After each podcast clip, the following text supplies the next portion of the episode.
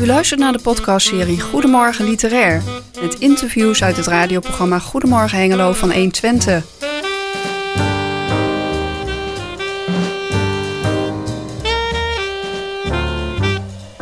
In deze zesde aflevering hoort u Jan, Dirk en Jos in gesprek met Marco Krijnsen over zijn boek Jatti en zijn plan om daar een podcast over te maken. Goedemorgen Marco Kleins en welkom uh, in ons uh, programma. Dankjewel. Uh, ja, we kennen jou van als, als historicus, we kennen jou als schrijver. Je hebt over diverse zaken geschreven, om heel veel zaken die te maken hebben eigenlijk met, met ons Hengelo. En een eh, van de boeken die je hebt geschreven, dat het gaat over Jatti. En Jatti eh, is iemand die is eh, ja, inmiddels al 50 jaar geleden eh, vermoord. En eh, ja, was een, een gast van fashion. En eh, voor de generatiegenoten, de mensen die nu zeg maar midden 60 zijn, die kunnen zich nog de opkomst en ondergang, laten we maar zo zeggen, van fashion herinneren. Maar wil jij eh, het geheugen van de, van de wat jongeren nog even over, opfrissen van wat is en was fashion? Ja, tuurlijk. Ja, fashion eh, was ook voor mijn tijd, moet ik zeggen. Fashion was eigenlijk was een jongerencentrum in Hengelo. Gevestigd in eerste instantie aan de Langele Maatweg, hier een paar meter verderop. Ja. En later aan de Willem de Klerkstraat. Eh fashion was het hippieparadijs van het oosten, zou je kunnen zeggen. Echt een magneet voor, eh, voor hippies. Eh, want alles was daar mogelijk. Seks, drugs en rock roll zou je kunnen zeggen. Ehm, er was eh, live muziek, er, was, er werden natuurlijk heel veel platen gedraaid. er was ehm, yoga, meditatie, er waren teach-ins en hearings. ehm, eigenlijk alles wat, daar, wat je maar kon bedenken en wat jongeren leuk vonden, was daar te doen. En nou, dat was een van de weinige plekken waar dat kon. En fashion had ook echt een naam, eh, eh, in, niet alleen in Hengelo, maar ook daarbuiten, ver daarbuiten zelfs. Eh, vanuit heel Europa kwamen ze naar fashion. En dan gingen ze met een rugzakje liften door Europa. En dan hadden ze ergens gelezen of gehoord dat je in fashion in Hengelo moest zijn, want daar kon alles. En alles is dan inderdaad ook bijvoorbeeld drugs, maar ook heel veel muziek. Eh, en dus ging men massaal hier naartoe. En, eh, vanuit Amsterdam eh, richting Berlijn met de trein, dan, dan moest je eigenlijk wel even uitstappen in Hengelo. Ja, liftend ook vaak. Hè? Liftend, of ja. onderweg naar Scandinavië of vanuit Scandinavië richting Amsterdam. Maar ook uit Griekenland kwamen ze, uit Italië, uit, uit Canada. Je kunt het zo gek niet bedenken. Met de ogen van nu is dat bijna ja, onwaarschijnlijk. Maar eh, op dat moment was, was, was fashion echt een hotspot in, eh, in Europa bijna. En heb je dan ook enig idee hoeveel jongeren daar in een weekend op afkwamen? Nou, als die zaal vol zat, dan eh, zat je zo gauw op, eh, op, de, op 100, 200 mensen. En eh, het was natuurlijk een, niet zo'n hele grote zaal. Nee. Maar eh, ja, en er was voortdurend wat te doen het hele jaar door. En eh, dus het, in die zin eh, was het een eh, jongerencentrum zoals we dat nu misschien al wel kennen, maar toen nog niet bestond. Dat was, eh, ik denk, eind jaren 60 dat het is opgericht. Ja, in 67 is het begonnen hier aan de Langele Maatweg, in 69 verhuisd en in 71 ehm, aan een einde gekomen door de moord. En dat is al een bruggetje naar Jatti eigenlijk. Ja, want eh, je hebt daar een boek over geschreven. En eh, met name het, het, het bijzondere aan, eh, aan deze moord op Jatti is niet zozeer wie hem gepleegd heeft en hoe het gebeurd is, maar dat Jatti weg is. Ja, ja Jatti was eh, de bijnaam voor Gerrit Wensing. Was een slagersjongen uit Overdenkel. ehm, die ook regelmatig in fashion kwam. Alleen, eh, ja, Jatti hoorde er niet zo bij. Hij wilde er graag bij horen, maar hij hoorde er niet bij. Eh, was een beetje de weg kwijt. Is ook door drugs behoorlijk eh, uit het lood geslagen. En ehm, ja, uiteindelijk heel vervelend zich gaan gedragen. Agressief. eh, mensen bedreigen met messen. En eh, nou, iedereen wilde hem eigenlijk wel kwijt. En dat lukte in eerste instantie. Eh, hij werd opgenomen in een psychiatrische inrichting. Met proefverlof kwam hij niet terug. Toen ging hij toch weer naar fashion. Toen waren ze het zo zat, die jongens in, van fashion, dat ze besloten hem uit de weg te ruimen. En dat is precies 50 jaar geleden deze week gebeurd, in maart 1971. Ja. Toen eh, werd hij naar fashion gelokt eh, door een meisje. Een meisje heette Texas, een Indisch meisje. Mooi meisje. Iedereen was er verliefd op. En Jatti ook. En hij dacht van, nou, eh, als eh, Texas wil dat ik kom, dan, dan ga ik er maar naartoe. Want je weet maar nooit eh, hoe dat gaat eindigen. Ehm, dus hij kwam naar fashion. Maar in plaats van dat Texas hem een hele leuke avond bezorgde, werd hij opgewacht door de harde kern van fashion en doodgeschoten. Dan hebben ze hem in een eh, tapijt gerold in een bestel eens eh, gelegd en begraven iets buiten Hengelo. En met elkaar afgesproken, we gaan het er niet meer over hebben. Dit is niet gebeurd. Uh, Jatti is verdwenen en wij weten niet waar die is. Tot 1985, Ja. 14 jaar later. Ja. Op dat moment krijgt een van de betrokkenen toch wat last van zijn geweten. Stapt naar de politie en zegt wat er gebeurd is. Dan komt het hele circus, treedt dan in werking. Politie gaat zoeken, gaat de getuigen verhoren. En ja, met man en macht wordt gezocht in dat gebied tussen Hengelo en Boekelo. Mhm. Maar Jatti wordt niet gevonden. Daders worden wel veroordeeld, maar Jatti is nog steeds niet gevonden. Tot op de dag van vandaag niet. Klopt, tot op de dag van vandaag niet. Ehm, ik heb daar ehm, tien jaar onderzoek naar gedaan en de afgelopen vijf jaar ook nog wel eens regelmatig. Ehm, tien jaar voorafgaand aan het boek, want het Mhm. boek is vijf jaar geleden uitgekomen. Boek gaat over fashion, maar gaat ook over de zoektocht naar Yati, naar dat lichaam. En eh, ik heb een aantal keren ook zelf gezocht, letterlijk met de schop in de hand. Ehm, op basis van concrete aanwijzingen, tips van mensen die zeker menen te weten waar die zou liggen. Maar in alle gevallen is dat dus niet gelukt.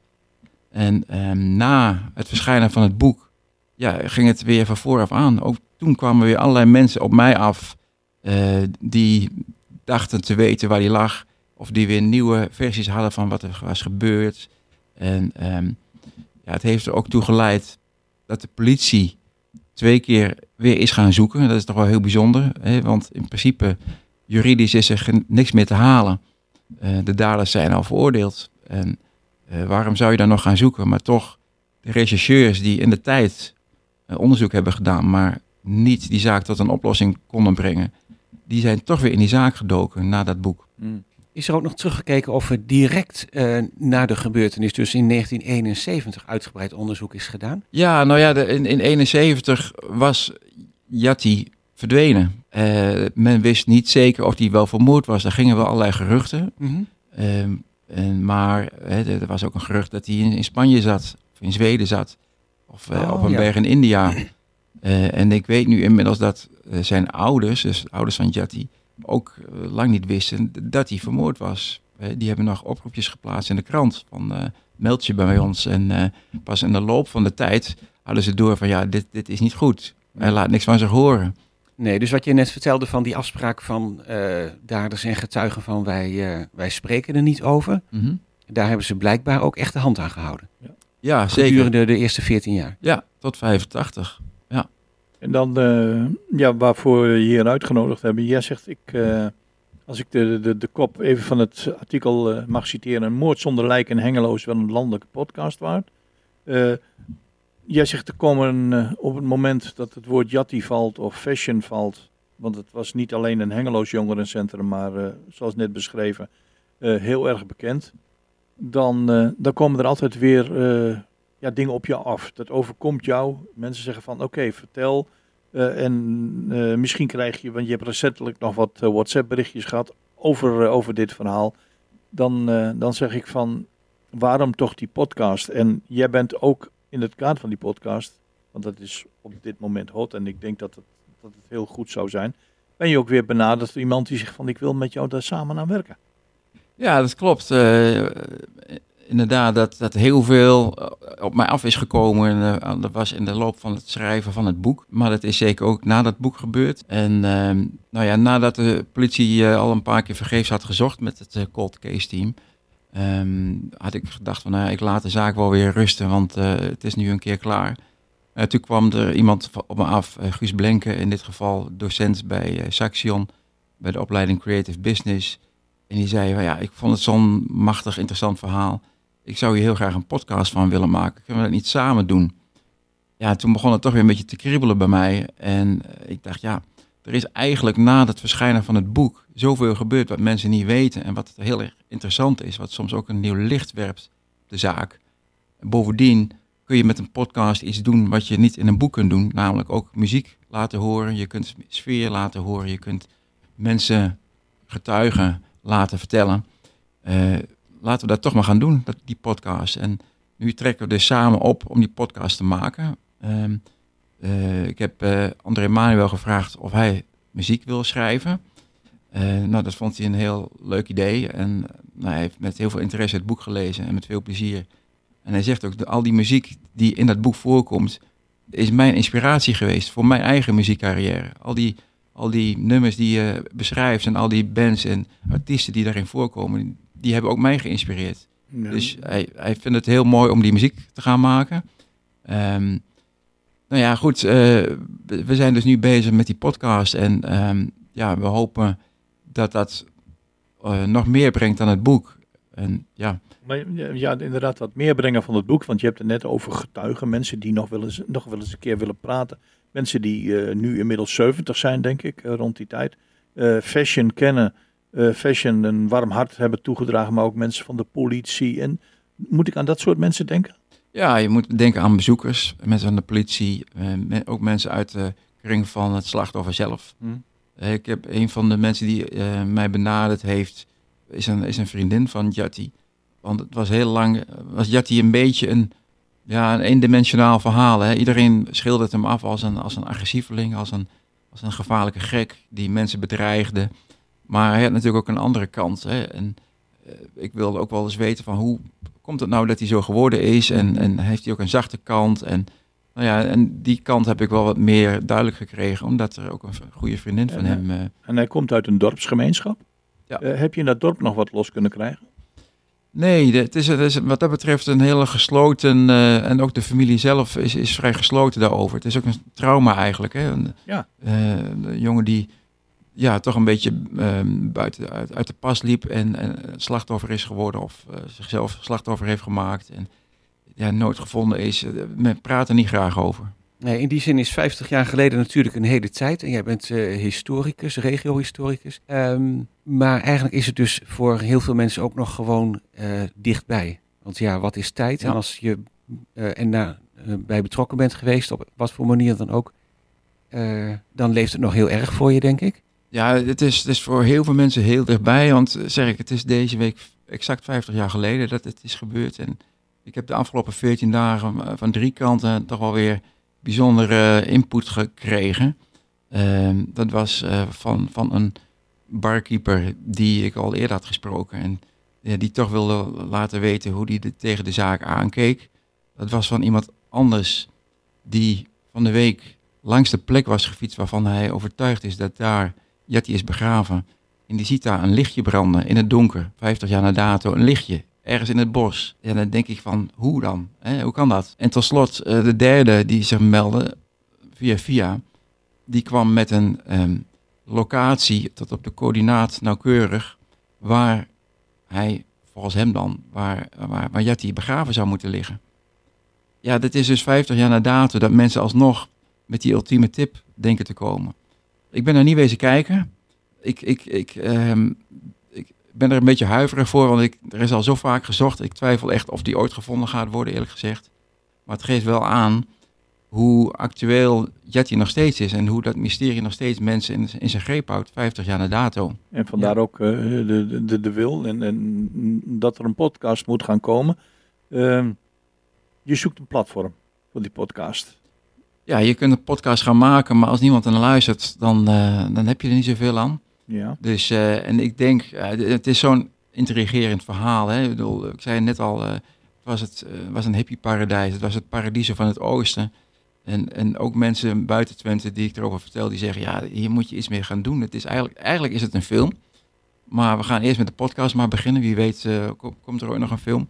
En ik ben ervan overtuigd dat, er ook, dat het ook landelijk interessant is. En ik heb het voorgelegd aan een podcastmaker van de VPRO en die was er ook enthousiast over. Ik heb het voorgelegd aan een oud Hengelo die podcast maakt voor Radio 4. Die zei ook van, dit moet absoluut landelijk worden. Dus we, gaan, we zijn nu aan het kijken of dat inderdaad ook uh, of we dat uh, voor elkaar kunnen krijgen. Wordt het dan een serie van een aantal uh, podcasts die je kunt beluisteren? En heb je al enig ja. idee van hoeveel of hoe lang? Ja, we denken aan zes afleveringen van uh, pakweg 20 minuten, 25 minuten. Ja. Waarin we natuurlijk in eerste instantie een beeld proberen te schetsen van wat fashion was. Uh, maar daarnaast ook uh, kijken van ja, wat is er daarna gebeurd met die zoektocht. Maar ook wat doet tijd en wat doen drugs met het geheugen van mensen. want iedereen ja. heeft weer andere herinneringen aan wat er gebeurd is. En mm. voortdurend komen er weer nieuwe dingen naar boven. En eh, ik ken ook iemand die, die, die het ene moment niks weet te vertellen en op het andere moment kom- krijgt hij allerlei ingevingen. Hè? En die zegt, ik heb gewoon gaten in mijn geheugen door overmatig drugsgebruik. En af en toe heb ik een helder moment en dan zie ik opeens dingen die ik eerder niet zag. Nou was het ook een gesubsidieerde instelling eigenlijk. Hè? Ze hadden subsidie gekregen Ja. om dit te kunnen doen als jongerencentrum. Ja. Was er ook nog een bepaalde eh, verantwoording die ze moesten afleggen? Of een zekere begeleiding of toezicht of beveiliging misschien wel? Of werd het gewoon eigenlijk losgelaten? Nou, eigenlijk vooral dat laatste. Eh, Ze kregen een behoorlijke zak geld eh, en een projectleider. Ja? En de, de opdracht was wel dat er een programma moest zijn. Eh, maar Oh ja. het was een experiment. En volgens mij was daaronder lag ook wat het idee van... nou, dit, dit soort jongeren, als die op straat rondzwerven... dan vinden we dat allemaal heel vervelend. Als we ze allemaal in een jongerencentrum stoppen... en ze doen maar wat ze doen... dan hebben wij er geen last van. Ik weet, ben ervan overtuigd dat een groot deel van de gemeenschap... eh, Bij wijze van spreken ook misschien dacht. op die manier heeft gedacht. Want ik vroeg me af, zijn daar dan ook nog lessen uit te trekken? Dat je kunt zeggen van nou ja, waar is het dan eigenlijk misgegaan met het jongerencentrum? Nou ja, ik denk eh, als je dit soort projecten begint, dat je in ieder geval wel duidelijk moet hebben wat, je- wat is je doel.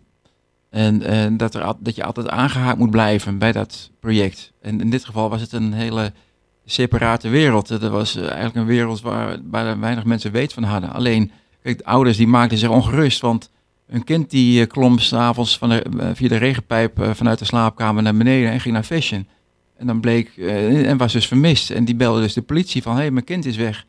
Kunnen jullie eens bij Fashion gaan kijken? En die politiemensen, ja, die met enige schroom gingen ze af en toe naar binnen. Maar ze werden daar natuurlijk weggehoond. Dus het waren echt twee totaal verschillende werelden.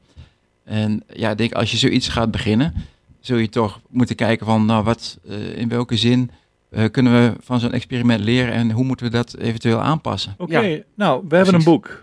We hebben een, we hebben een moordenaar. We hebben een vermoorde. We hebben muziek. Eh, we hebben De Wens. We hebben Guus Blenken. We hebben Marco Krijnsen. Die podcast gaat er gewoon komen. Ja, die podcast gaat er zeker komen. We zijn al bezig. Eh, alleen ja, het platform, daar zoeken we nog naar. En ik ben ervan overtuigd dat dat wel goed komt. Nou, als ik jou aan het begin van het programma hoor zeggen, het komt gewoon op mij af, dan weet ik zeker dat dit ook op je af zal, komen. En dat we voor de kerst eh, een podcast hebben. Dat is wel de bedoeling, want eh, het is dit jaar 50 jaar geleden en eh, de aanleiding is er duidelijk. Oké, Oké.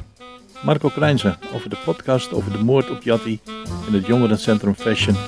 Deze week, 50 jaar geleden. Bedankt. Dankjewel. Deze podcast werd gemaakt door Chris van Pelt, Jan-Dirk Beltman, Jos Klasinski en Mieke Vaameijer. Bedankt voor het luisteren en graag tot de volgende podcast.